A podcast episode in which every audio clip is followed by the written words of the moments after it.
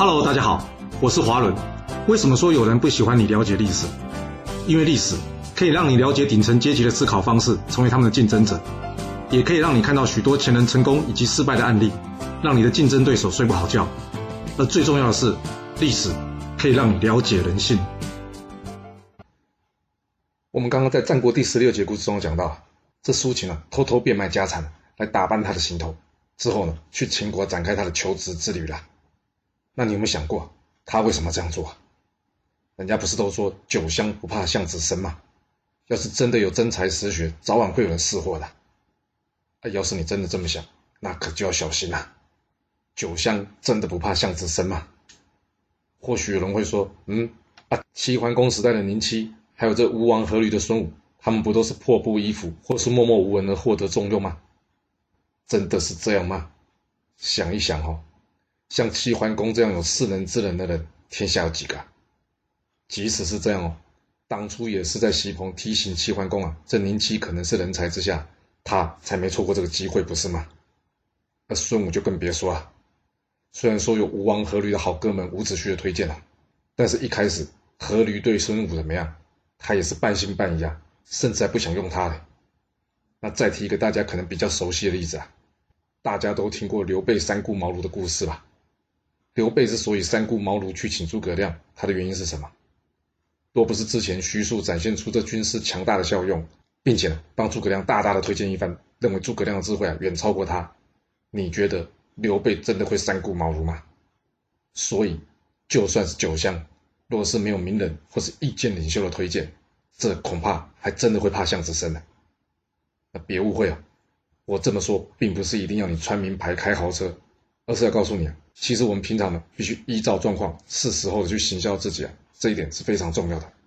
就像是去面试工作一样嘛，通常我们得打扮的大方得体嘛，这样机会才会比较高一点。那进入公司之后呢，我们行销自己呢，通常除了工作表现外，另外就是怎么样，要适时的给主管意见或是建议。但是要给主管意见或是建议的，你就必须注意两个原则：一，对方有请教你的意见吗？没有。那最好就别开口。二，对方问你意见的时候，他是要你背书认同，还是真的在询问你的意见？若是只是要你背书认同，那你就别大放厥词批评他的意见。会这么说啊，是因为在人性上，绝大部分的主管会在主观上认为，既然他的地位优于你，那就表示他的各项能力也优于你。他不会客观的认为说人各有所长，应该多听听意见是好的。那这样说不就没办法开口了吗？他没有办法开口，又不能抒发意见，我要怎么行销自己啊？最简单的方式是什么？跳槽，拿着自己在前一家公司的功绩以及经验了，向别的公司推销自己啊，这通常是加薪升职的捷径。但不是每个人都有机会跳槽啊。啊，要是只在同一家公司，那该怎么做呢？那这时候呢，你就必须怎么样？先观察，观察什么？第一点，谁能决定你的升迁呢？这个人可能是你主管。也可能是你主管的主管，还有就是他缺什么，需要什么。要是你的主管只会做业绩而不会做分析，这个时候要是你会分析，但是呢却不会有抢他业绩风头的问题，你觉得他会不会依赖你？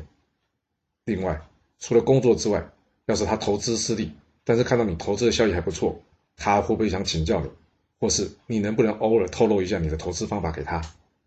又或是他喜欢美食，喜欢出游？你能提供他资讯吗？简单来说，就是要在某些领域成为他的老师，或是被他请教的对象。穿名牌、开豪车的目的啊，就是要让人家觉得自己混得不错。而混得不错跟能力不错呢，会让人主观上联想在一起。这也就是为什么常常有人穿名牌、开豪车去借钱呢？他不是去借钱的，他是去提供对方投资他的机会。这对方一看他的行头混得还不错，是不是也会想要跟着他投资去发财？或者是跟他走得亲近一点。不过呢，穿名牌开豪车啊，这主要都是对外及对平行的沟通方式啊。对上的方式呢，可能得调整一下。你要将这个道理呢，转换成他需要什么，你就展现什么给他看。讲白话一点就是什么，投其所好啊。你不喜欢，说实话，我也不喜欢啊。但是这就是一般人的沟通规则啊。就像我们在跟美国人说话的时候要用美语，跟日本人说话的时候用日语。通常对方会比较容易听得懂一样。要是我们只是埋头苦干，当然没有人说你一定不会成功。